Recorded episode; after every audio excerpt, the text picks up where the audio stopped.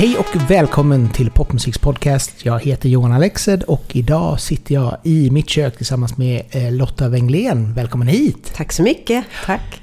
Just nu aktuell med EPn Stardust and Debris. Mm.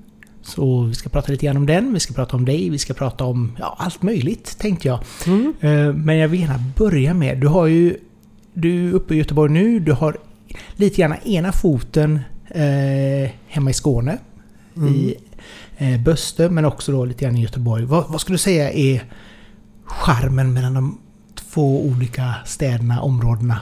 Mm. Alltså jag tycker om när det händer absolut ingenting. Alltså, det är fantastiskt att man får lov att vara i fred i sina tankar. Sådär. Det, det tycker jag med Böste. Att det är, liksom, det är bara havets vrede som granne. Liksom. Så att, eh, det tycker jag om, att det, att det står helt stilla. Så att jag själv kan liksom, skapa mig min tillvaro utan att bli störd. Just att när man vill skriva och spela in och som jag gör i mitt vardagsrum så är det rätt skönt att kunna liksom, göra det i lugn och ro. Är du lite grann av oss ensamvargar? Vill du gärna ha lite egen tid? Eller hur? Ja, men både och. Jag tycker om att gå in i, i långa tanketrådar så, så, så gott man kan nu för tiden. Det är rätt lätt att bli avbruten. Även om man inte har människor utanför dörren. Sådär. Nej, det kan komma en pushnotis lite då och då som säger att åh, ja, titta på, på mig. Tänk på. Ja, ja jo, men så är det ju. Men eh, sen tycker jag, men Göteborg det är fantastiskt här, härligt att vara i Göteborg. Jag tycker om vimlet och sådär. Det är, det är jättefint att kunna liksom vara här och ha tillgång till den här staden i och med att jag har min flickvän här och sådär. Så att eh, bägge ställena är ju, kompletterar varandra och gör någonting för mig. Liksom. Ja, och det som är skönt med Göteborg det är ju att den har inte pulsen som Stockholm även om den... Det är ändå liksom Sveriges näst största stad. Mm. Eh, så det är ju ändå en ganska skön stad på det sättet att man kan liksom ta en promenad i Slottsskogen. Även om det är tillsammans med andra människor så blir det ändå man, ja, man, man, får lite natur och hej och också just närheten till vattnet. Liksom. Ja, precis. Ja. ja, men det är jag ju van vid alltså från min tid i Malmö och sådär, där jag är upp, uppvuxen och sådär. Mm. Och jag tycker det är ett stort eh, släktskap mellan Malmö och Göteborg. Just som du säger att man, man är en del av någonting men man kan också liksom vara i fred. Även om det är mycket människor. Det är inte det här pockandet som jag kan uppleva när man är i Stockholm. Att där blir man mer eh, på något vis kontaminerad av det mänskliga släktet. Nej, men det, jag tycker det är viktigt. Liksom. Sen, sen visst är man liksom den här en utåtgående människa och gärna vill ha eh, folk omkring sig och göra saker och ting, det ska hända saker, då är ju Stockholm fantastiskt. Liksom. Mm, absolut. Det finns så mycket där som... Det finns ju mycket att göra här också, men du blir på ett helt annat plan. Liksom. Mm. Att bara åh, idag kommer Taylor Swift hit och idag var det den här som hände där och så vidare. Så att, och här i Göteborg så kan det vara lite mer sömnigt mm. på den fronten. Uh, Medan man då istället Eh, kan få gemen, gemytlig gemenskap om man till exempel är nere på andra långgatorna till mm. exempel, mm. eller tredje långgatan. Ja, det är supermysigt. Ja, nej, det, det, är härligt. Men berätta lite grann om Buster. Alltså, jag har aldrig varit där, så att, vad är det för Alltså det är, en liten, det är en liten by som man passerar egentligen på bara några sekunder om man kommer körandes från... om man blinkar så ja, bara så här, It's gone! ja, alltså, alltså man kör mellan liksom, Trelleborg och mot Smygehamn. Och det där Smygehuk som är Sveriges sydligaste udde. Mm. Så är det här byn som ligger innan Smygehamn. Så att eh, den är, det, vad ska man säga, det är väl 50% av husen som är bara semesterboende boende. Så ah, det, okay. det, blir ganska stillsamt där på, på vintern och sådär. Det är mörkt i alla husen och sådär. Det lyser någon lampa på, på håll sådär. Så att det blir väldigt, väldigt lugnt där. Det händer ingenting. Men på sommaren så är det väldigt poppis eh, eftersom folk tycker om att stanna med sina husbilar och hänga vid havet och sådär. Så, så det, det, enda ljud man hör det är stormen på, på vintern. Liksom. Ja. ja, där blåser jag alltid. Det är inte så att man kan bara liksom sätta sig i något hörn i trädgården och tro att man kan få lugn. Utan det är alltid någon vind från något håll. liksom. Jo men det är lite mm. grann, alltså min pojkvän är ju också från, från eh, Dalby mm. i Skåne. Så att, ja. Och han säger ju liksom att han tycker det är fruktansvärt att det alltid blåser i Göteborg hela tiden. Men samtidigt så här, när jag har varit nere i Skåne, det är inte vindstilla där heller. Nej, nej, nej. Det är ett riktigt nasty. Alltså böst är fruktansvärt blåsigt och smyg hela den sträckan där. Jag kommer ihåg när jag var nere i, i eh, Melodifestivalen då när vi var på Hylje. Ja, just det. Alltså jag har nog aldrig frysit så mycket när man har gått liksom över Hyljeområdet. Mm. För det verkligen blåser rakt igenom och Mm. det har varit så här isande vindar liksom. Ja. Alltså, Så att man, det är nästan som man känner liksom i benen hur man bara ah, Ja, ja, ja. kallt." ja, ja, ja. Man blir väldigt spänd i axlarna. Underbart. Men eh, innan vi går in lite grann mer på om dig. Jag måste bara... eh, När jag gjorde en liten sökning så hittade jag den här Hon är blå. Ja, oundvikligen. Ja, Det ligger överst på min Spotify. överst. Det- jag kommer aldrig, aldrig, aldrig bli fri. Jag, så, jag såg på den också på Apple Music låg den också där. Ja, det är väldigt vilseledande. Men, Ja. eh, men den har ju många eh, spelningar liksom. Det är Ja, värsta warm-up-låten nu också när det är så damernas fotboll och sådär. det kan Så, jag att, tänka eh, mig. så det är fint. Alltså den har ju verkligen en, en fin funktion. Den gjordes ju för jättelänge sedan. Jag blev ombedd till den här eh, filmen Blådårar. Just det. Ja, så det här var Blådårar 2. Jag var även med på första skivan men då var det med mitt band eh, Babaloo. Mm. Men eh, så den är inspelad med stora delar av damlaget som var då i studion som sjunger oh, oh, ja visst. Det är, det, det är de som utgör den kören. Så det är jätteroligt ju. Har du stort fotbollsintresse? Nej, det har jag ju inte. Alltså jag, nej. Men eh, jag spelade fotboll i Malmö FF när jag var 12. Ah, okej. Så att jag har ju ändå, så, man har slussats igenom fotbollen någonstans. Men eh, nej, jag fastnar inte för det. Jag, Ja, men då, då har du bidragit till eh, fotbollen genom låten. precis, genom min valuta. Då. Ja, jag, Musik då. Ja. jag, blev så, jag blev så förvånad när jag såg den. Liksom, så jag bara, Ja. Oj, blådårar. Mm, Okej. Ja. Så litet Malmö FF-fan tänkte jag.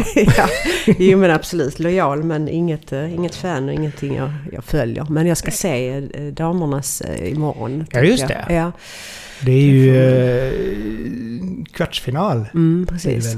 Ja, Mm, kul. Imorgon bitti får vi kolla på. Ja, det ska bli väldigt spännande att se det. Jag var ju, det var ju en rysare, åttondelsfinalen. Ja, Så att man bara wow. ja visst. Men det är kul att vi har ett bra fotbollslag i Sverige. Ja, Landslag. ja. Det, det är bra. Det Ja, det är bra. Eh, Du har ändå ett gediget CV bakom dig. Eh, Liksom så olika bandkonstellationer och soloarbete och så vidare.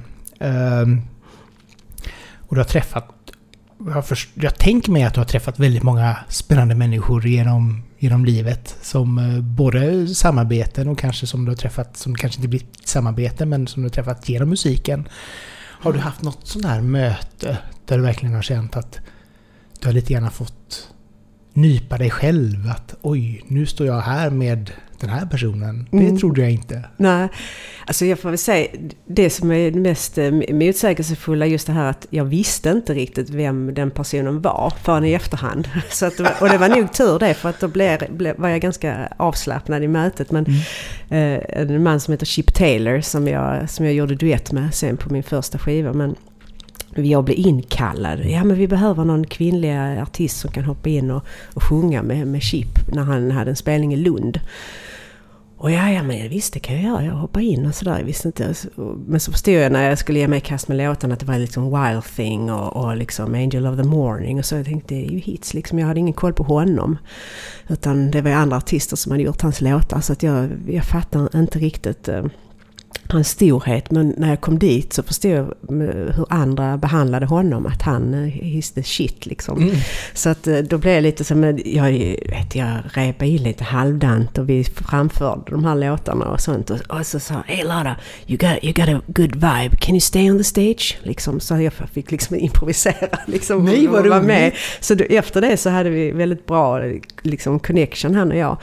Och då blev det att jag hängde med på hans turné och vi hade väldigt bra snack och jag slussade låt. Jag kommer ihåg vi hade en jättelång fin promenad när vi var i Borlänge.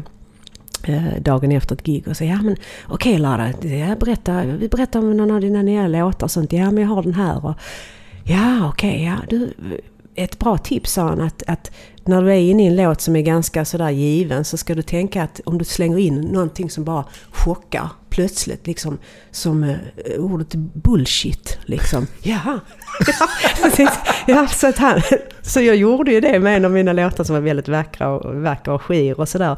Och, och sjöng With no need for the bullshit, liksom att man är trött på, på där man är och sådär. Och det blev, mm. väldigt, blev väldigt fin vändning för mig också i, liksom när jag skrev låten. Att bara bryta av och liksom få en annan skärpa in mm. i nästa stycke och sådär. Så att det var väldigt fint, fint engagemang. Så sen blev han inbjuden att sjunga en duett som jag skrev till eh, honom och mig. Så att uh, den kom med på skivan. Så det var ja, en fin, fin vänskap som uppstod. Ja. Men det kan jag tänka på. Och så samtidigt så här, svordomar bullshit är ju inte riktigt en svordom så, men, men när man slänger in svordomar i låtar, ibland kan det låta så krystat. Mm. När de slänger, men samtidigt så här, kan man få in det på ett snyggt sätt, mm. så blir det så här, ja, det mm. var bra. Alltså då blir det ändå lite kraft och lite pondus bakom det liksom. Ja, att det är motiverat. Eh, ja. Att man använder det. Ja. För vissa kan vara så här, de slänger in sina 'fuck you' lite mm. och man bara... Ja. Fast ja. det där är bara svenskar som ja. säger. ja. För att vi är så då, eller vi har, har begränsat ordförråd liksom. Ja. Så det blir väldigt konstigt. Men kul, mm. spännande. Alltså det är så mm. roligt också när, när man träffar någon, som du säger lite grann det här att man inte vet vem det är riktigt och man förstår inte personens eh, storhet i det fallet. Mm, mm. Och då, som, då blir det kanske lättare och den personen kanske också känner att okej, okay, den här personen eh, tar mig för vad jag är och inte för mm. den de tror att jag är. Liksom. Mm. Nej, precis. Två människor. Ja. Men det är, mm. Jag tror det är viktigt liksom, i alla relationer att man någonstans ska hamna på samma nivå. Mm. Så att den inte den ena känner liksom att men jag är ju Jack Nicholson, vem mm. är du? Alltså... Mm.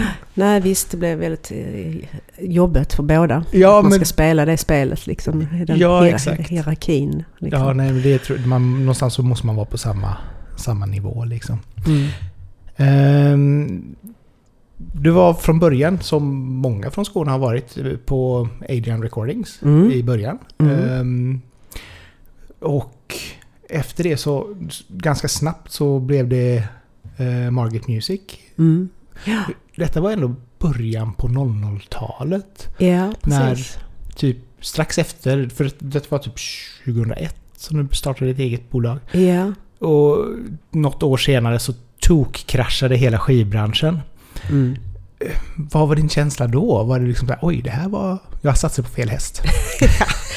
ja, men jag tror att det liksom upptakten till hela... Alltså innan jag signade med Stefan på Adrian Recording så det, hade jag kommit från ett skivbolag i Köpenhamn som heter Mega Records som var ja, ganska stort. Ja, precis. Ja. Och då hade vi uh, Ace uh, producent producerade mitt band Babaloos mm. uh, skiva och sådär. Och, och sen så rasade ju det, bolaget, och han åkte ut och alla hans band åkte ut liksom som han hade tagit in, den här NR-producentkillen. Så, så då satt vi i sådana här otroliga förhandlingar, du vet, med sådana luntor. Både förlagskontrakt, alltså det var så, man hade inte en chans att förstå liksom hälften av det. Oj. Så vi kom inte riktigt uh, ur, vi kunde liksom inte ta med oss vår musik. Och de bara bestämde sig för att de skulle bränna skivorna. Alltså, de hade kontrakt på att släppa det, så de gjorde något halvtaffligt släpp någonstans. Jag vet inte hur det såg ut. Men, så att jag blev sådär, åh gud vad... Alltså jag, det var ju roligt att bli signad, men samtidigt så blev det bara elände. Och det tog väldigt mycket kraft och lust ur ur oss i bandet. Så då gick det i kras, bandet då så, och då startade jag liksom min solo-grej. Mm. Och då tänkte jag att nu så ska jag inte slamra så mycket. Jag ska låta musiken ligga bakom, jag ska ligga jättelångt fram och jag ska berätta saker. Ska, man ska få plats med berättelsen och sådär.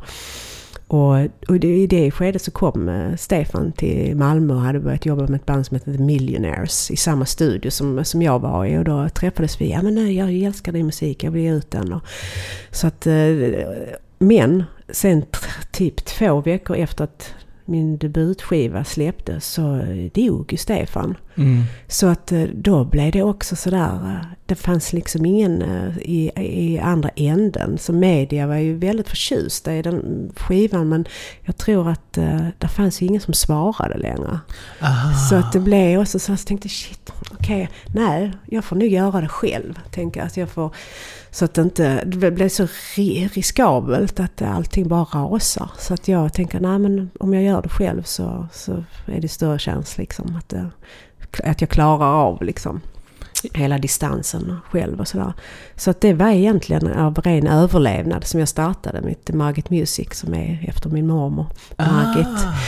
Så, så, där började det liksom. Så, eh, och det har ju visat sig vara väldigt, väldigt skönt att själv ge ut sin musik precis när man vill mm. och liksom hur. Och det finns ingen som har någonting att säga om det. Sen är man ju såklart är väldigt ensam i den processen att man liksom att jag skriver, spelar in, gör omslag nästan på och, och uh, ger ut det. Och sen ska man då, uh, om det är ork kvar, göra någon form av marknadsföring av den här produkten då. Det är en ganska, uh, det är väldigt, ja, det är en lite jobbig process. Men eh, så har den ju sina ljuspunkter som nu när du och jag sitter här. Ja. att man kan få, få liksom, prata av det lite ja, exakt, ja. Jo, nej men det kan jag alltså, För det är väl det man, jag har hört från många som uh, startat eget att det är så mycket slit. Många tror, förstår inte hur mycket slit det egentligen är som ligger bakom. Uh, innan de har satt sig i de kläderna liksom. Att faktiskt släppa musik på egen hand. Mm. Men också den här tacksamheten, liksom att blir det bra och flyger det iväg så, så har man bara sig själv att tacka liksom för att det har blivit så pass som det har blivit. Liksom. Mm. Sen är ju musik, det är ju så otroligt subjektivt så att allting handlar ju om vad, hur känner mottagaren för det som, som man släpper. Mm. Man kan ju släppa någonting som man tycker är världens bästa platta och när ingen, är det ingen som lyssnar på den så är det världens mest okända bästa platta. Mm, exakt, ja. så, ja men visst. Så, så, så, så är det. Men har du, känt, har du känt någonting att det varit motigt på vägen eller har du känt att... Ja, så det har jag väl gjort att eh, just när man hamnar i en, eh, en sorts ekonomisk kris som man är i och ganska ofta. Eh, och det ja. har jag ju vant mig vid att det går i sådana här cykler. Och så plötsligt är man nere och sen ska man upp igen och sådär. Och det är mycket yttre omständigheter som avgör om jag har möjlighet att, att släppa musiken eller ej. Så att, mm. Så det är ju både en frihet men det är också en, en, en boja i det. Att man är så extremt beroende av kapital också mm. för att kunna göra det. Och jag vill ju också kunna betala mina musiker om det går och, och även ja, men så man ska mixa, mastra allting och sådär. Så och det vill, alltså när man själv är en musiker så vet man ju hur mycket det är värt att känna att man får betalt för sitt arbete och sådär. Mm. Så det är en, ja, det, vi wheelar och dealar mycket kan jag säga, oss musikerna emellan. Typ, ja men jag slänger in en kör på din, ja men då skickar jag över en gitarrslinga här. Ja. Så, det är, så det, oftast är ju valutan någonting annat liksom liksom. För det har jag ändå märkt att när, när jag nu har sökt på ditt namn och så här, det, det kommer upp på väldigt många olika ställen. Eh, så att det känns som att du är ändå väldigt produktiv, både som sagt var som, som featuring på andra eller hjälper till och så vidare. Så att det känns som att du har ändå en, en circle of friends som, som du jobbar väldigt mycket med regelbundet. Mm. Det måste ju ändå kännas ganska skönt att veta att ja, men när den här personen gör någonting så brukar det alltid dyka upp ett samtal bara kan du hjälpa mig med det här och så vidare. Mm. Ja men absolut. Det, det, har ju blivit ett fint gäng som har liksom eh, fyllts på genom åren och sådär. Som folk som också förstår och tycker det är skönt att vara i mina låtar. Det är ju en sorts mm. förutsättning för att det ska, ska funka. Så att det har ju varit, eh, under pandemin så skickade jag runt filer och så fick jag tillbaka, ja här är ett pålägg och så byggde vi eh, musiken eh, kring kring bara en massa fillämningar liksom. Kul ändå! Så det var rätt så roligt. Det stannade inte upp och det fanns ju också ett uppdämt behov mm. av att skapa och sådär. Så och, att, och det var väl det man kunde göra under den perioden också, skapa. Man kunde ju liksom inte leverera som så på scen på det sättet utan det var ju verkligen, ja, fick bli en kreativ period istället och, och göra musik på olika sätt liksom. Ja, ja visst, skapa någon sorts mening i den tillvaron. Att, Och det blir det ju så fort man är i ett skapande så förstår, då förstår jag min anledning till att jag är här på något vis. jo, men det kan, Mm. vad, vad skulle du känna? För, alltså din personliga styrka inom ditt skapande, vad skulle du säga är där? Hmm. Ja, det är ju en jättesvår fråga. Ehm, jag tror att det som jag känt nu de här sista dagarna, jag varit här nu i Göteborg, så har jag suttit med en låt i fyra dagar. eh, som jag inte riktigt förstår vad den är. Och jag tror att jag är ganska enträgen och vill liksom förstå mig själv och förstå vad det är jag berättar. Och jag tror att i det, i det utforskandet så tror jag att när låten väl kommer ut i andra änden så är den begriplig. Både för mig själv och för den som lyssnar. Så jag, jag tror att mitt... Och då blir det ett sätt att kommunicera. Och för mig att förstå vad det är jag vill berätta. Så att jag tror att kanske mitt utforskande och att jag vet och då blir det lättare. Jo, men så, så kan jag tänka mig. Det är, Mm. det är många gånger man har pratat med personer som bara ja men jag vill inte berätta vad låten handlar om. Och då känner man lite grann att men om du måste väl veta varför du har skrivit låten. Alltså man behöver kanske inte tala om att den handlar om precis det här, men någonstans så vill man ju också förmedla en känsla och det kan också vara det som är viktigt liksom. Att kunna eh, visa upp för människorna att ja men när jag kände det här så skrev jag det här. Och det var det som var viktiga. Sen Mm. budskapet i låten kanske inte har exakt med det att göra, men att man ändå kan visa upp att ja, men detta är därför. Precis, ja men det känner man ju. Om det är en blaha-text som är bara skriven för att den ska låta bra. Mm. Framförallt med många engelska texter så är det ju så att ja, okej, och, och det språket har ju så mycket ord som faller i, olika bra i munnen och sådär. Man har många att välja på. Så ibland får man ju såklart kompromissa och tänka ja okej men det, det behövs ett öppet ord där. Jag kan ta Mm. ett stopp, eh, liksom konsonant, jag måste ha det här. Och, så, och det är ju därför det är ganska enkelt att skriva på engelska. Det Mm. finns så mycket att välja på. Och man kan ändå få det ganska poetiskt om man är lite eh, enträgen och sådär. Ja. Varför använda synonym ordboken för att hitta bra ja. stödord liksom, Ja, för ja. att få det att funka. Eh, hur kom musiken in i ditt liv överhuvudtaget? Det var tidigt. Det var genom min eh, mormor framförallt. Hon tyckte om att spela mandolin och, och munspel och sånt. Så att vi brukar sitta... Hon hade, de var sju systrar. Och alla tyckte om att sjunga och sådär. Och alla hade sådana ganska stora sladdriga hakor som dallrade, minns jag. det var! Så, att, eh, så det var väldigt fint. eh, Och de bodde mormor och morfar bodde i en liten, liten etta i, i Malmö. Så där alla knödde in sig och så spelade mormor mandolin och så, och så sjöng alla. Så att det var, och så visade hon mig lite grann hur man spelar på munspel och jag fick prova att blåsa. Så det var nog där. Men sen hade jag ju framförallt en storebror som var punkare. Så att, eh, då fick jag bra check liksom på ganska enkla eh, gitarrackord och sådär. Och sen hittade jag själv så att eh, jag har bara lärt mig. Och så i, olika grepp. Och så legat liksom på ryggen i sängen och spelat liksom i timme, timme ut och timme in och sådär. Och började skriva låtar när jag var nio. Så att det var Oj. ju, ja. Hur, hur var de låtarna i början liksom? Alltså, var- vad skrev du då? det första låten I skuggan av ett kors. Okej. Så att det var så mycket för att imponera på min storebror så att han skulle tycka att jag var cool. Så att eh, nej, det var, och den ha- handlar om att mor hade dött och då gick jag till hennes grav och sånt. Och, och ja, jag, jag tror jag har den inombords. Och sen så var, kom nästa låt heter Resan, vet jag, för det finns en gammal kassettinspelning med mig och brorsan. Som låter lite grann som det här gamla bandet Stålfågeln. Lite så ödesmättat. Ah, eh, ja. Så att, eh, ja, så där, där bör- började Det började i mörker kan man säga. Ja. Redan då. Redan då. Ja, precis. Men alltid med ett liten solstrimma eller någon sorts väg ut för den som vill. Brukar Mm. jag alltid lämna lite hål i, i alla låtar i den här kupolen på något vis. Så man inte är helt fångad utan att det alltid finns någon sorts...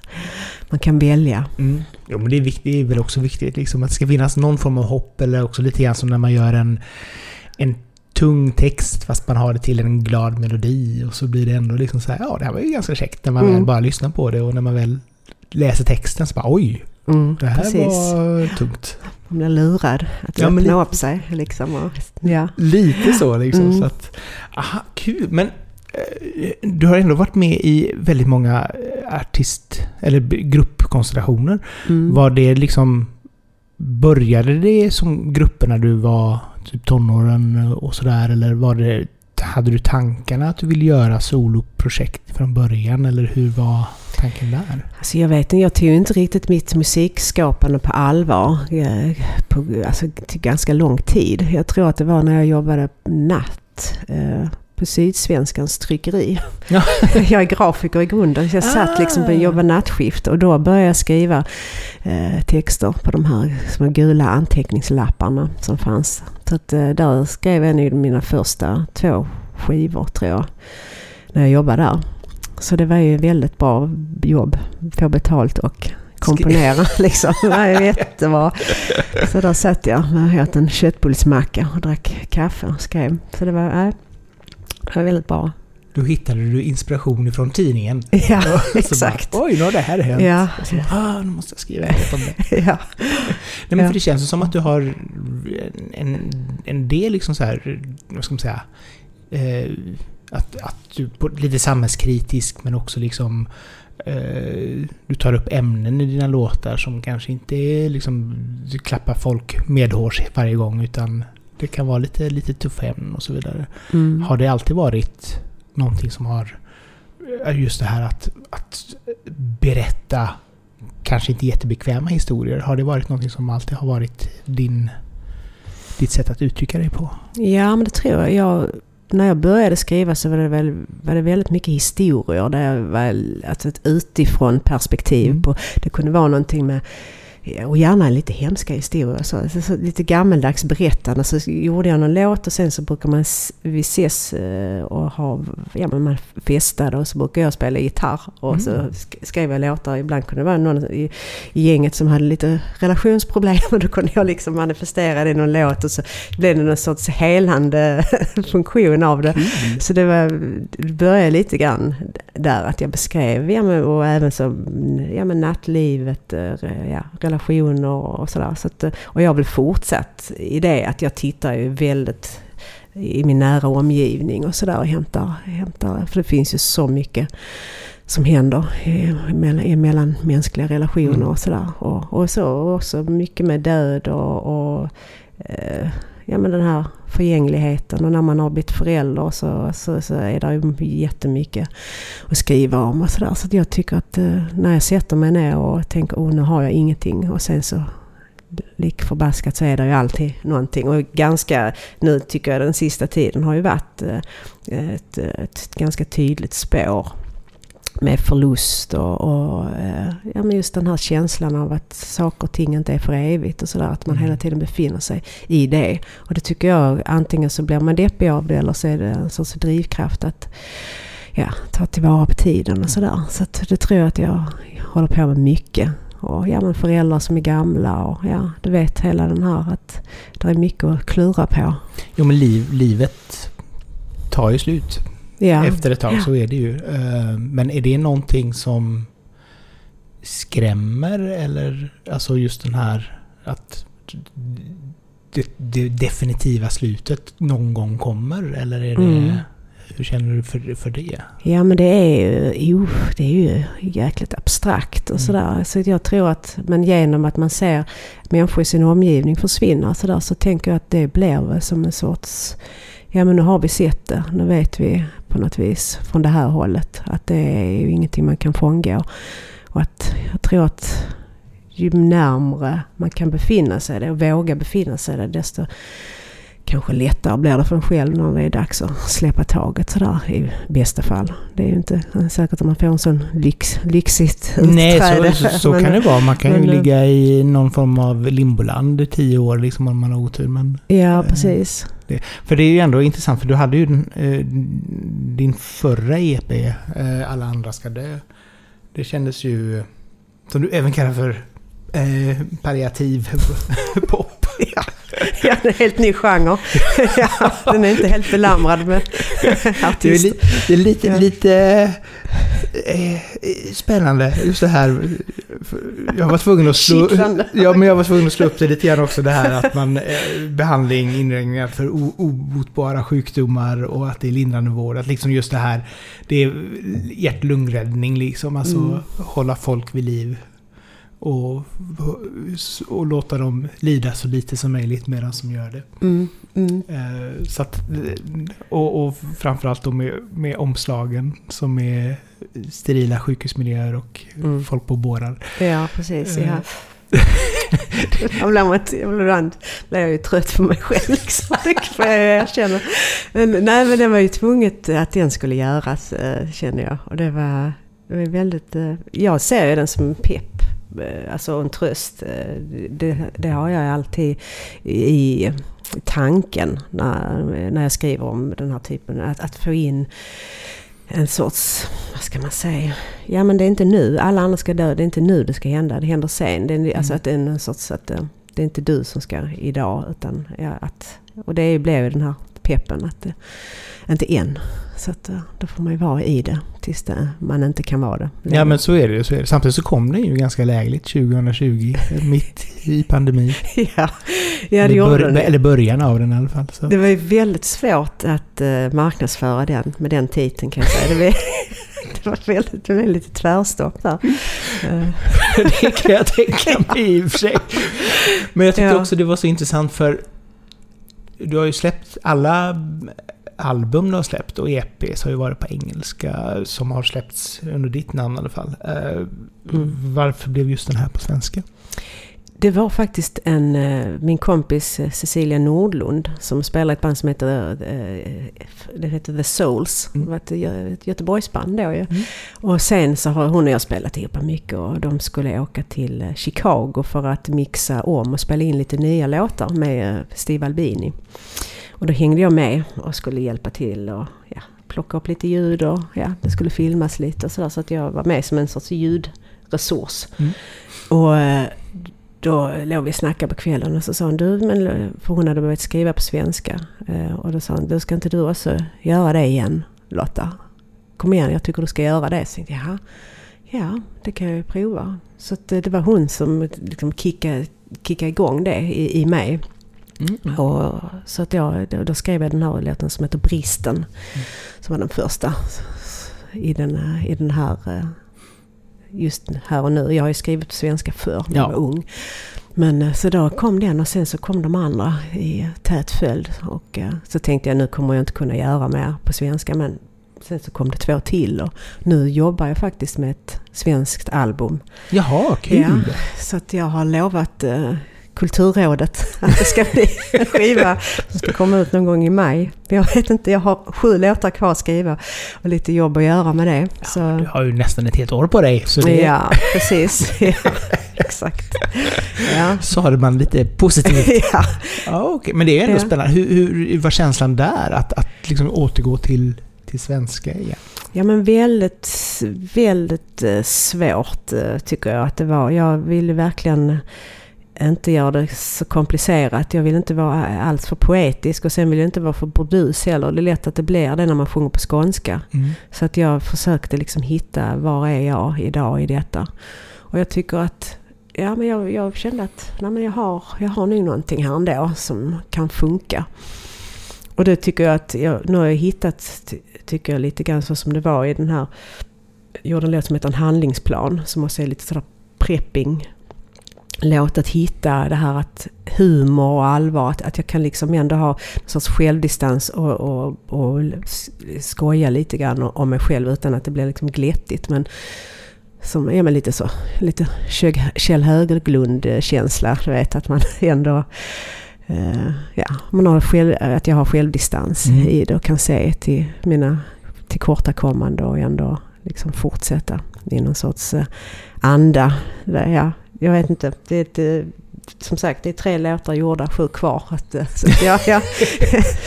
Svårt att säga hur det går. Men, Nej, men ja. det, är, det är väl som med, med allting när man ska vara kreativ. Att det händer ingenting så händer ingenting. Helt plötsligt händer allting på en gång och så bara hopp, det var klart. Mm, ja, precis. Så Ja. det, är nog, eh, det är nog ingen risk att det inte kommer bli klart. känner jag. Det, det, det brukar flyta på när det väl kommer igång. Liksom. Ja. Eh, ja, nej, men kul att höra att det ändå kommer mer på, på svenska. Och så är jag också lite alltid så här när man tänker på låtar på, på när det sjungs på skånska. Då är det ju Timbuktu eller Peps Persson den här biten. Men det är ju många skånska artister som sjunger på någon form av rikssvenska när de sjunger eh, eller har sjungit. Och sen nu så har många börjat med skånska. Alltså att det har blivit någonstans att man, man behöver inte dölja sin dialekt längre. Nej. Vilket jag tycker är ganska härligt. Mm. Eh, jag menar som Oscar Zia, han sjunger ju bred skånska liksom när han sjunger numera. Eh, så att det, det är ju liksom så här lite roligt att, att man inte ja, försöker dölja si- sina rötter liksom i, i sång. Även om man, för jag menar pratar man skånska så är det klart att man ska sjunga på skånska också tänker jag. Mm, det tycker man ju, men det har ju plockats bort. Alltså det har ju varit en väldig, ett väldigt förakt mot skånskan ju. Det här att man tar bort den på scenskolan och ingen ska prata eh, skånska och absolut inte sjunga. Men det är fortfarande som i min dotters skola där eh, musiklärarna där sjunger ju på stockholmska. Då sjunger ju alla barn, man hör ju inte skånska när de sjunger. Vilket är jättemärkligt. Lucia-tågen i skolan. Sankta Lucia. Det är jättemärkliga röster liksom. Så ja, det är konstigt men, eh, men eh, jag, jag kan förstå att det sitter lite djupt rotat i att, att det inte är så snyggt. Och, sådär, att det blir, och att man låter lite bunnig. Och, och sådär. Ett tag var det ju alltid så när man såg något tecknat och det var en skurk eller någon väldigt ointelligent person så la de skånsk dialekt på den rösten. Det var, så att jag tror att det, där ligger väl någonting i eh, oss också kanske. Men, Ja. men jag, jag får säga att jag har ju bara fått positiva Eh, liksom folk har sagt åh vad härligt med skånskan Ja. och sådär. Att eh, få, höra det ganska ofta och det är ju jättefint för självförtroendet tycker Jo, jag. ja, framförallt nu när jag har en fästman som är från Skåne och, och den familjen. Det är klart att då, blir, då har man ju blivit fått en annan eh, närhet till skånskan på det sättet. Liksom. Och då blir ja men det här är mysigt. Mm. Ja, men absolut. Ja. Så att jag tycker det, är- det är fint. Eh, vi ska gå igenom lite gärna låtar och album som har betytt mycket för dig Mm. genom året. Ehm, att gå igenom dina fem, fem val där. Så vi får en Mm. liten bild av Lottas musiksmak. Ja, precis. Ja. Alltså, det var det var ett svårt uppdrag att eh, fundera ut. Så att jag har, men jag har tänkt på vad som har varit väldigt betydelsefullt. Det var, jag är ju uppvuxen med storband. Jaha. Och sådär, så att jag är uppvuxen med fars eh, Fra- Frank Sinatra-skivor och Tommy Dorsey och sådär. Gershwin och sådär. Så att, eh, jag tror att den eh, skivan som jag har snurrat allra mest det är nog antingen är det Strangers in the Night LPn eller så är den här The World We Knew. Jag tyckte det var så gött. Over and over. Han började liksom så djupt ner och det liksom bara till tag i hela golvet. Jag var väldigt tagen av det. Så att de skivorna har gått friska kan jag säga. Kul! Ja, och jag tror att det, när det gäller rytmiken och sådär i sången och svänget och sådär är ju någonting som jag har eh, i väldigt mycket i mig själv. Jag hänger lite grann som i så storbands uh, rytm. liksom, Alltså jag har det väldigt, det präglar mig mycket tror jag i mina egna grejer. Ha, det har, har showmusik överhuvudtaget varit liksom någonting som... Ja, alltså, det är just eh, alltså Frank Sinatra lite grann. eh, Eh, och så, vad hette han? Eh, eh, nu tappade jag tråden. Han... Eh, Somewhere beyond the ja. sea. eh, vad heter han? Bobby Darin. Ja, ja. precis. Det var liksom det här s- svänget som jag tyckte var väldigt Ah. tilltalande. Att man kunde hänga och, och ja, lite udda landningar så i, i sången. Det som är roligt med det också att det är ju både alltså fartfyllt om man säger så. Det är mycket, som du säger, liksom det är dansant men också det är också elegant någonstans. Så Mm. att jag tycker det, den kontrasten är ganska härlig. Att det är liksom inte... Det blir liksom inte bara dans och showmusik utan det blir också någonting som man kan ha i cocktailbarer liksom också. Vilket Mm. jag tycker är ganska nice. Mm. Ja, men jag tror att jag på alla skivor jag gör så brukar jag ha med, som på min nya EP så har jag den här Time Just Slipped Away som Mm. är väldigt mycket old, lite evergreen-aktig Mm. sådär. Så där kan jag verkligen säga att där eh, kommer det fram och sådär. Kul! Men sen tror jag att, att när det gäller mitt eget, eh, när jag börjar spela eh, och känna att det här är bra nog för någon annan att höra. Då var det nog när jag fick tips om Indigo Girls. Och då fick jag tips om en liveplatta, jag tror den var från 91. eh, Back on the bus, Jarl eller något sånt heter den. Och då tänkte jag shit vad de kan hålla låda bara med två gitarrer och, och stämsång. Väldigt, väldigt perkursivt. Alltså, ja, med två, jag var ju liksom lite nyfiken på det här. Att det var, de var två lesbiska kvinnor. Och så när jag förstod mm. det, jaha, mm, och så tyckte jag plötsligt att de här texterna, det var väldigt vad de slog an. Och sådär. Jag funderade innan jag hade förstått vem jag var. Jaha, ja, ja. Så att eh, jag var ju väldigt, oh, jag utforskade och lyssnade. Och den här Left Me A Fool, vet jag. Och ja, jag kunde helt relatera. No one will ever know who the hero The Hero Took for Lover. Och så, ja, det var... Oj, ja, ja, ja, så att jag var helt... Så, och, och, och jag kände alltså, shit, du kan liksom stå på scen bära bara med en gitarr. Mm. Eh, om du är liksom, ja, om du har rytmen och sådär i handen. Vilket jag eh, ju började få då mm. också. Mm. Så, att kunna ta för mig och sådär. Så det, var väldigt, det var väldigt viktigt. Liksom för, och jag lärde mig att man kunde ta G, C och D utan att lyfta mer än ett par fingrar. Det var väldigt mm. magiskt att se den där nyckeln till den där ackorden som de använde. Mm. Men det var början på 90-talet? Ja, precis. Mm. Eh, så då var du drygt 20 år? Ja. Ungefär. Var det då du kom ut också? Eller var ja, precis. Jag var 24 när jag kom ut. Så jag levde liksom i den här att man träffar en man och sen så lever man med honom och skaffar barn. Och sen så, så hade ju mor och far gjort.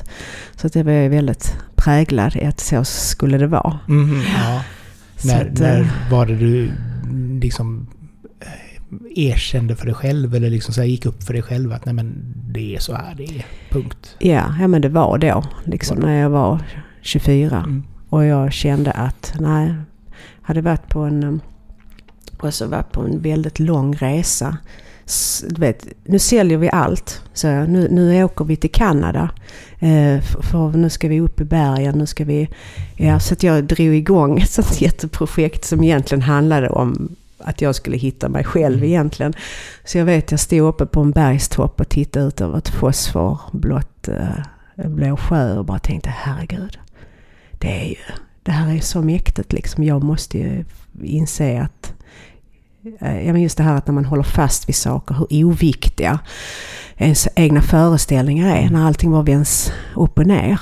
Så att jag fick en sån här, ja okej. Okay. Så jag bara åkte hem, lämnade, tog ryggsäck och bara Ja, jag bara försvann liksom. Mm.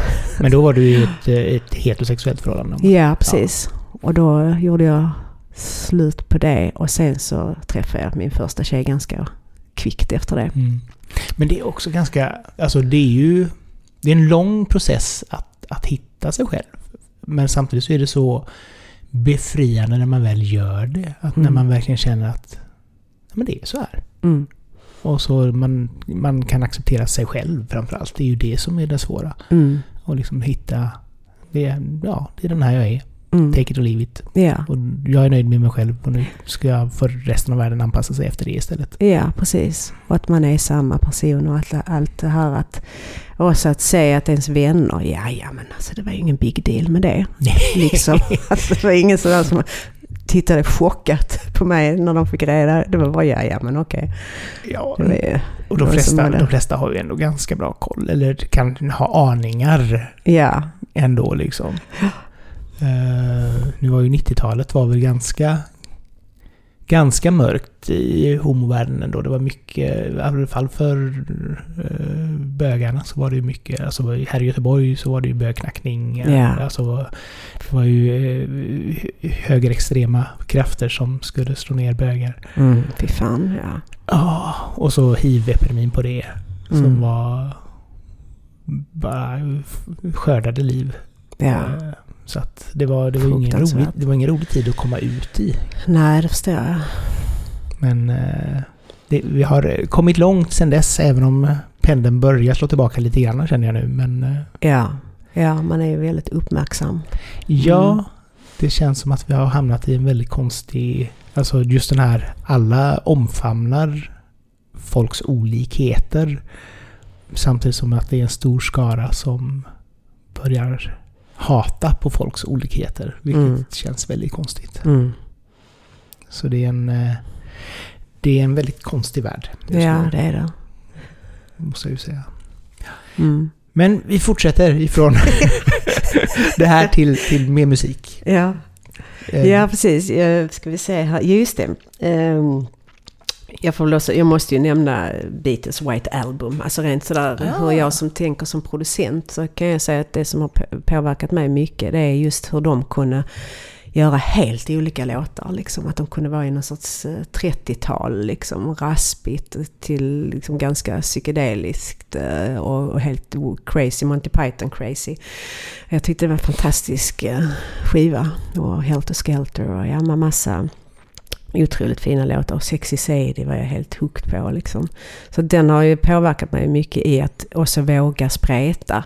Och att göra det som jag känner att jag vill göra i stunden utan att hålla på och tänka att nej, nu ska det förpackas på ett visst sätt. Eller jag måste vara konsekvent för att bli begriplig. Och sådär, utan att man blir begriplig genom att man också vågar Mm. göra det som faller en in. Det visar ju ännu mer tycker jag på vem man är och sådär. Så att det, det har varit en stor eh, inspirationskälla den skivan alltså. Var White Album bland de första Beatles-plattorna du lyssnade på eller var det något Eh, som... På det viset sen eh, hade jag ju koll på. Vi hade ju alla skivorna hemma och jag köpte när jag var på språkresa. Jag köpte alla skivor och sånt. Så att det ja, det finns mycket Beatles där hemma. Men Det är bra, fantastiska poplåtar, alltså alltid. Ja, Eh, Det är så roligt för man tänker liksom så här, ja... De har ju gjort sådana låtar som har varit, alltså... Som har eh, inspirerat generationer liksom. Helt otroligt Mm. att de har lyckats skapa sån, en sån låtskatt. Mm. Liksom. ja det är fantastiskt. Och sen Bowie såklart, det var ju också jättemycket med hans produktion och just det här att inspirera till, inte så mycket låtsnickeriet utan mer produktionerna sådär Mm. som eh, jag tyckte var jättefina. Men sen eh, vet jag att när jag hörde mm, Laura Beers för många herrans år sedan så tyckte jag det var så jäkla cool. Hon hade en låt som hette eh, St. Henry Lives eller något, John Henry Lives heter den heter.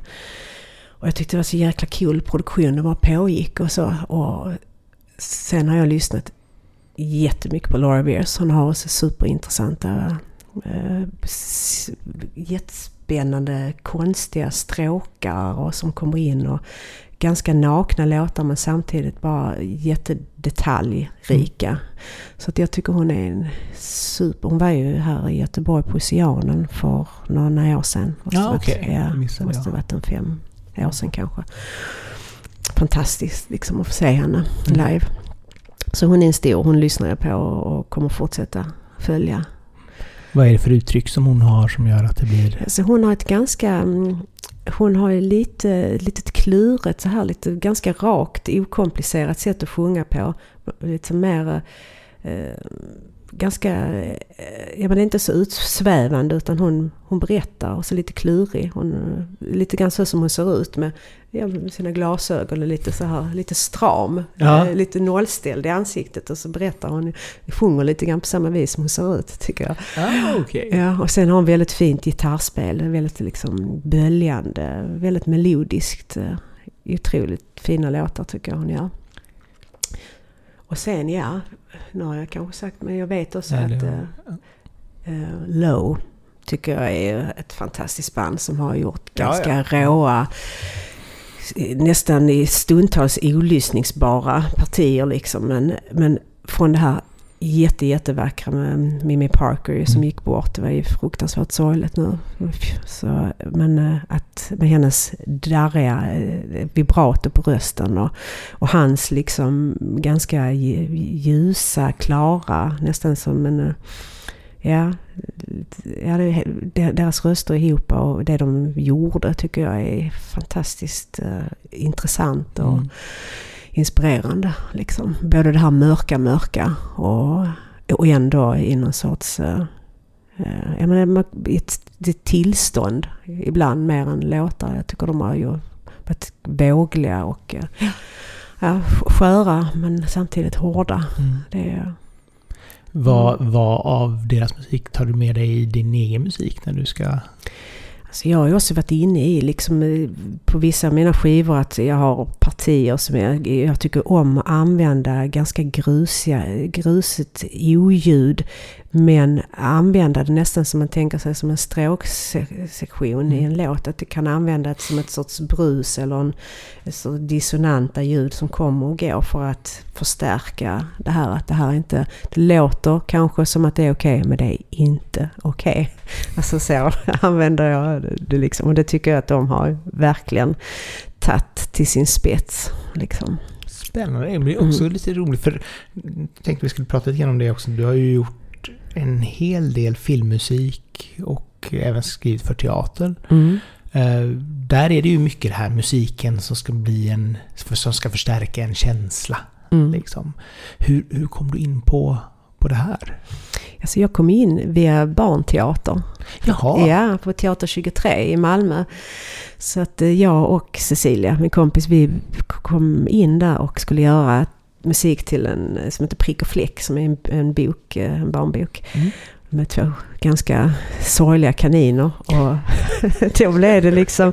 Men det är ju så, det är så högt i tak när man gör musik. Framförallt när man, att göra musik till barnteater. Att, att allting är ju välkommet. Mm. Liksom. Sen måste man ju såklart behålla samma lyhördhet.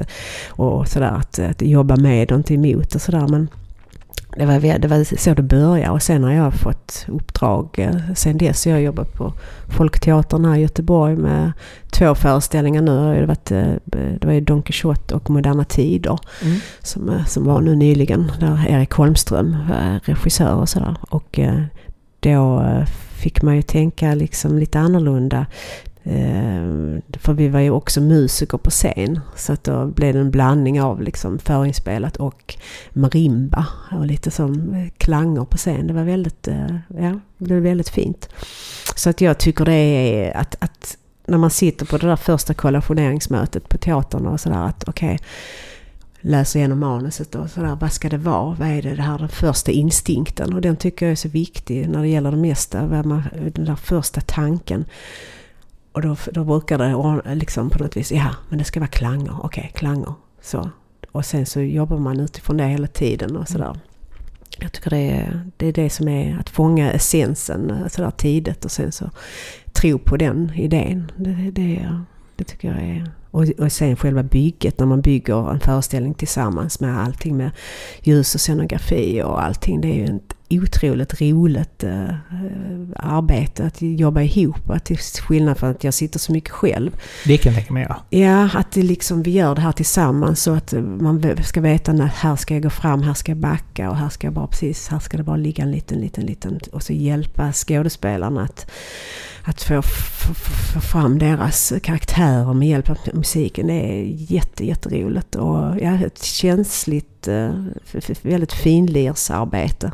Det kan jag tänka mig. Samtidigt så måste man ju också någonstans, måste ju musiken eh, måste ju anpassa sig efter någonting som redan är gjort.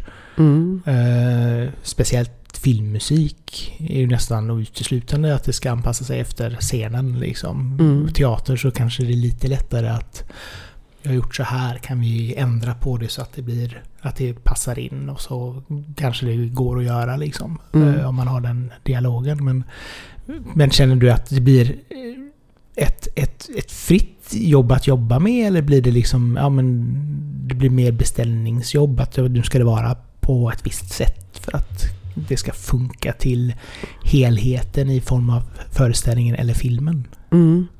Alltså jag tycker att det, det, det är väldigt skönt att slippa sig själv också. Alltså ens egna uttryck. Att kunna gå in och använda sig av sina, att, ja, men den bredd mm. som finns ju. Att jag har ju många olika sidor och det är bara fantastiskt att få utlopp med, med tanke på det här alla olika band och sådär. Det har ju varit band som har representerat olika delar av mig. Det har varit något countryband, har ett band som heter Det Döda Köttet som är någon sorts eh, metal. Som vi är ganska obekanta med allihopa i bandet men vi gör så gott Det blir roligt när man försöker tolka någonting. Så att eh, alla de här, allt, allting ska ju ut. Mm. Och det känner jag, inom teatern finns det ju verkligen utrymme att göra framförallt de här lite mer orkesteraktiga grejerna som jag, som jag tycker om. Och jobba liksom med andra typer av instrument än de traditionella och sådär. Men sen så har jag ju min egen klangvärld och melodier och sånt tar ju de vägarna som, som är naturliga för mig. Och, mm. sådär. och det är ju oftast därför som jag blir anlitad också. För att jag har ju någonting som, som de tycker om. Mm. Så att uh, oftast så är, är man ju inte där helt random och sådär utan de vet ju. Nej men det kan jag tänka mm. mig att, att de har väl sett att ja, men du, du använder din talang för att förstärka det de vill förmedla. Ja, ja mm. som alla i, i ensemblen och i, ja. Som jobbar där är ju där för att de passar till detta. Liksom. Exakt. Mm. Så att, hur var första gången du fick frågan att göra någonting sånt här? Hur, vad var tanken då? Liksom? Att, det är klart du kan klara av att göra det här. Eller var det så här, oj, det här ska bli spännande? Nej men jag, det, det var helt naturligt och framförallt eftersom det var barnteater jag kom in i så kändes det som att det var väldigt lekfullt och roligt. Så att uh, där fanns inga, inga liksom, faser inför det. Och, så, och sen har det bara nu, bara längtar jag efter nästa uppdrag och nästa och nästa. Så att, Kul! Ja.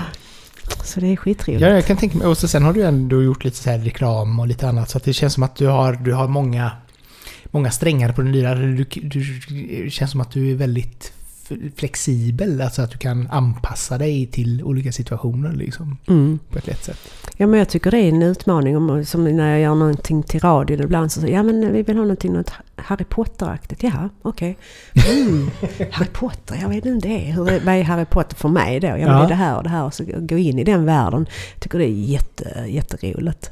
Spännande. Mm. Ja, nej, och det är lite roligt också nu när man pratar liksom om så här film och, och, teater och så vidare. Att det börjar komma en, en hel del även svenska eh, artister och kompositörer som skriver för storfilmer i, i USA till exempel. Alltså att mm. det, det, känns som att vi, det är inte bara pop som svenskarna kan utan vi kan även liksom skapa stämning i, i filmer också. Mm. i teater. Så det är ett duktigt musikfolk. Ja, verkligen. Och att det är roligt att se att det är så många kvinnor nu också som ja. gör musik till film och sådär. Det har varit och belönats för det och sådär. Mm. Jag tycker det är jätteroligt. Så att eh, jag har ju en dröm om att få göra till någon fet film. Det hade varit väldigt, väldigt trevligt. Kul! Ja. Ja, det är de drömmarna man måste ha. Alltså mm. det är det man får leva på. Liksom. Mm, mm. Hur, när man går tillbaka till det där angående det här med... Alltså när du startade ditt eh, skivbolag början på 2000-talet. Mm.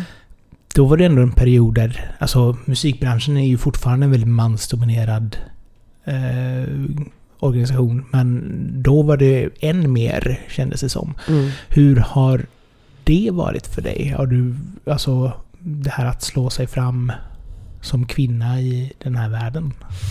Alltså jag känner att när jag startade mitt eh, skivbolag så kändes det som att ja men nu har jag ju, nu behöver jag inte liksom förhålla mig på samma vis. Och sen hookade jag upp med Border redan då som distributör och sådär. Mm. Så, att, då, så att eh, det kändes som att jag upprättade en länk som, som funkade där jag inte kände att jag behövde bli bemött på det. På, alltså så. Jag var satt på makten mm. så att mm. säga själv och sådär. Och har, har ju själv blivit en eh, arbetsgivare ja, till mina musiker och sådär. Så att där har jag inte känt i själva arbetet med det. Men eh, däremot så är det ju ganska uppenbart ju att de här manliga nätverken är ju väldigt välsmorda. Mm. Alltså så det är ju väldigt svårt att, att komma in och bara liksom eh, bli en i gänget. Det är ju inte riktigt lätt och sådär. Och det har jag märkt mycket också sådär just med det här med filmmusik och sånt. Att det tar ju ganska, man måste komma in på något jäkligt smart vis liksom. Som jag inte riktigt har hittat vägen in till ännu. Och, sådär. och likaså med samarbete med att skriva låtar och sådär ihop. Och sådär. Det, det är inte heller jag kan se, jaha men det, de jobbar ihop, ja men det är för att den känner den och den. Man ser det utifrån, ja men det mm. förstår jag varför de jobbar ihop och sådär. Hur det har kommit sig och sådär. Även positioneringar, man kan säga, ja men här kan man se, ja men här har vi, det är medelklasskids som inte har behövt ha så mycket bekymmer med pengar. De kunde spela in sin första skiva. Det var ju jättedyrt att mm. spela in på rullband. Man kan bara säga att jaha okej, okay, ja, det, det, det, är begripligt, man förstår varför det är så. Men det blir också... Eh, det, det, det, är tråkigt helt enkelt att, mm. att det är de här mönsterna. Men jag får ju säga att jag har ju inte stött på supermycket motstånd som jag vet. Mm. Sådär typ att ja, vi, vi pratar inte med dig för att du är kvinna. Så har det inte varit liksom. Men jag kan ju se att det är lättare att ta in en polare som förband än kanske den där, alltså. Ja, jo. Du vet hela ja, det är väldigt subtilt Mm. liksom. Men eh, Ja, nej, det, är en, det, är ju, det är en svår bransch att synas i överhuvudtaget. Jag kan tänka mig att det är ännu svårare eh, om man då är independent. Eh, och att man måste ha de här kontakterna. För det ser man ju när det är spelningar på, uh, på Pustervik till exempel. Och så är det ett storbolags namn. Och det är klart att storbolaget har pitchat in sin artist som, som förband också. Liksom. Alltså det blir mycket det här. mm, Du får det här, jag får det här. mm, rätt sagt, jag får det här och jag får det här. ja. I många fall liksom. Ja. Ja, och det är ju svårt att hänga med på någons turné också om man inte ligger på samma bokningsbolag och sådär. Det är Ja. ju väldigt... eh, så det är, man måste vara djupt inne i gamet. Tuff, tuff bransch. Ja. Ja. Nej, jag kan tänka mig att det kan vara lite, lite frustrerande. Men eh, ja, samtidigt som, som vi var inne på lite grann i början här. Du har ju ändå byggt upp ett, ett bra kontaktnät känns det som. Med väldigt alltså, namnkunniga personer. Ja, Så- absolut. Ja. Jag tycker att det så som jag har det nu är det absolut bästa Mm. upplägget. Liksom. Att själv kunna styra och sen att, ja, att jag jobbar med dem jag vill. Och Mm. att vi har kul och det är väldigt mycket kärlek och omtanke. Och, alltså, du vet, det är väldigt, väldigt fin liksom, miljö. Har en Mm. väldigt fin arbetsmiljö. Ja, men det är, och det är ju viktigt också. Mm. Så att eh, Ja. det blir bra liksom. Ehm, innan vi knyter ihop säcken ska vi snacka lite grann om Stardust and the Breeze. Eh, hur landade du i titeln? Där. Ja, alltså den, den eh, raden finns med i den här låten som heter Time Just Slipped Away. Mm. Där är We Are Stardust and Debris. Nej men just att vi är, ja vi är ju bara liksom spår av någonting på något vis. Vi all, allting sitter samman på något vis. Eh, Det är väl det. Så jag tyckte det var en väldigt fin titel att ta Mm. den raden ur. Så, eh, ja, och det här är egentligen en, den låten eh, Time Just Slipped Away har ju många år på nacken. Den spelar jag ju liksom in som en sorts demo-version för mig själv jättelänge sedan. Och sen nu när jag tänkte att den hade ju varit så fin på EPn. Så då lyssnade jag på den här gamla versionen och tänkte gud, det var långt innan covid. Jag har ju haft, min röst har ju helt förändrats liksom. det var helt nasal och, och alltså vet något helt... Jag behåller den för den har någon, liksom, någon klarhet som jag inte kan frambringa idag. Så att själva grunden till den, eh, gitarren och sången är från en gammal demo.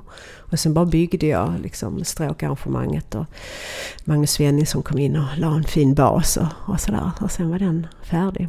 Så, Kul! mm, så det gick och... Ja, nej men... eh, Alltså du skriver... det- det- det- eh, EPn presenteras lite grann som... Som sagt var att du pratar om social fobi som vi har pratat om lite grann. Just det här att Mm. man vill gärna vara för sig själv. Och, eller känna i alla fall att man, man kan välja ensamheten Mm. och att det kan vara skönt. Delad vårdnad, hur, hur var alltså... När, när blev du mor? Jag blev mor 2009. Jaha. Och sen så skilde jag mig 2013 och då blev det ju det här liksom varannan, ja det blev bara några dagar i början men sen blev det mer och mer så man Mm. kunde liksom dela upp tiden och sådär. Men eh, det, det sjunger jag om i den första låten som heter Health. Just det här att hur svårt det var att liksom omforma sitt liv och sånt när saker och ting förändras på det viset.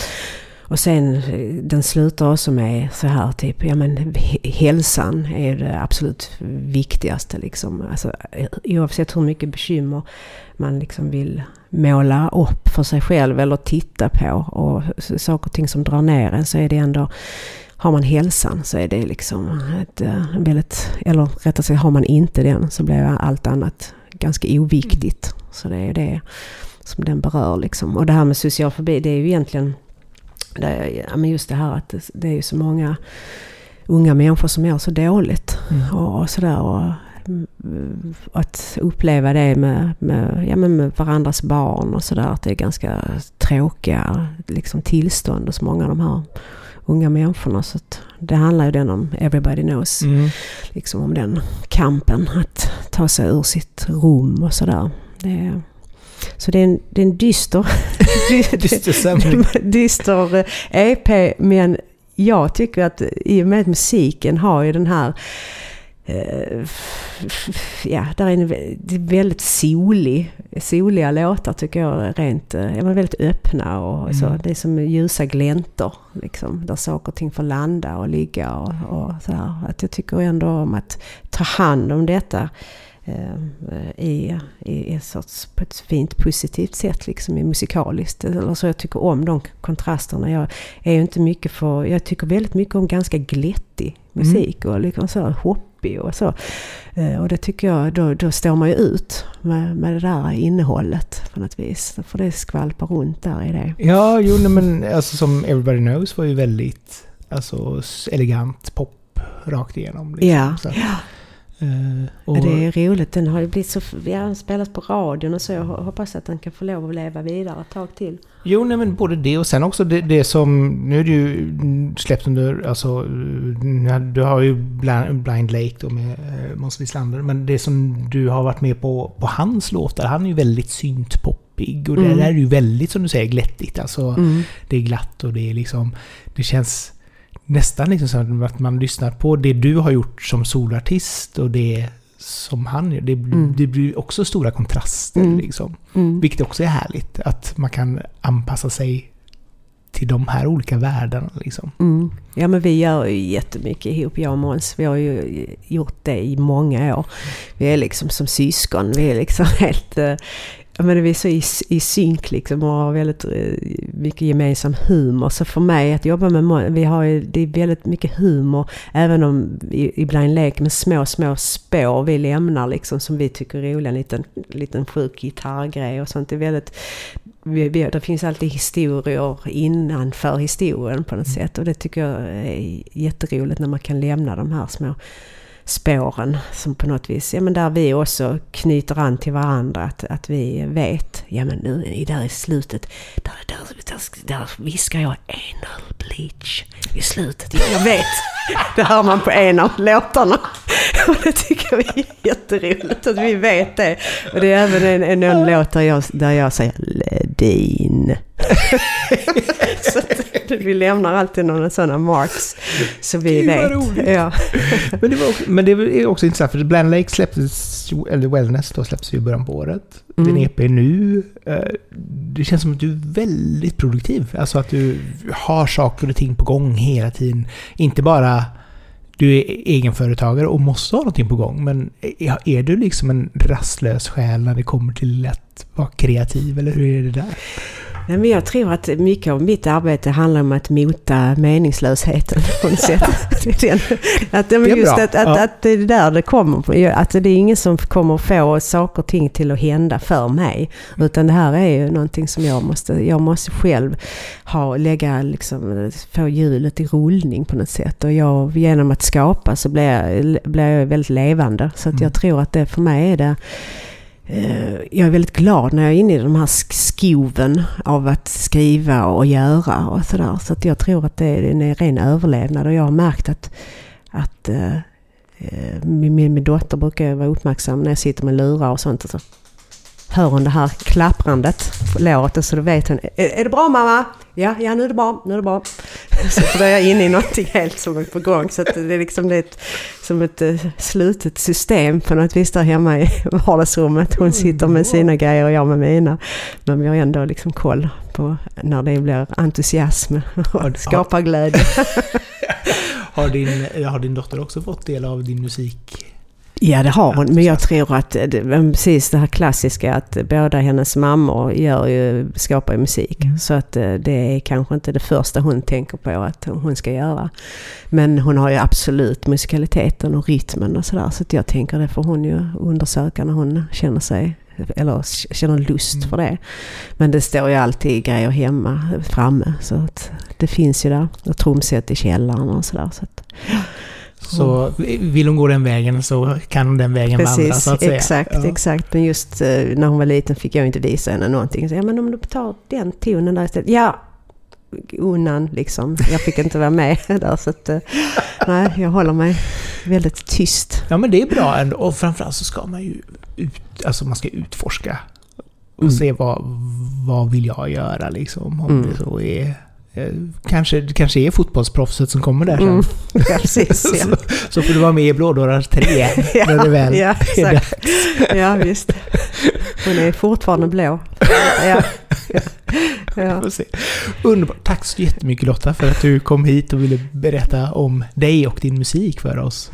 Tack så mycket. Tack. Och till er som har lyssnat, hoppas att ni har haft det lika trevligt som, som vi har haft. Dela gärna podden vidare till era vänner så att de kan lyssna dem också. Och prenumerera gärna på podden så får ni nästa avsnitt direkt ner i er poddapp. Men ifrån ett numera ganska soligt Göteborg efter att stormen Hans har styrt över det här området så säger Lotta och jag tack för oss. Hejdå! Hejdå!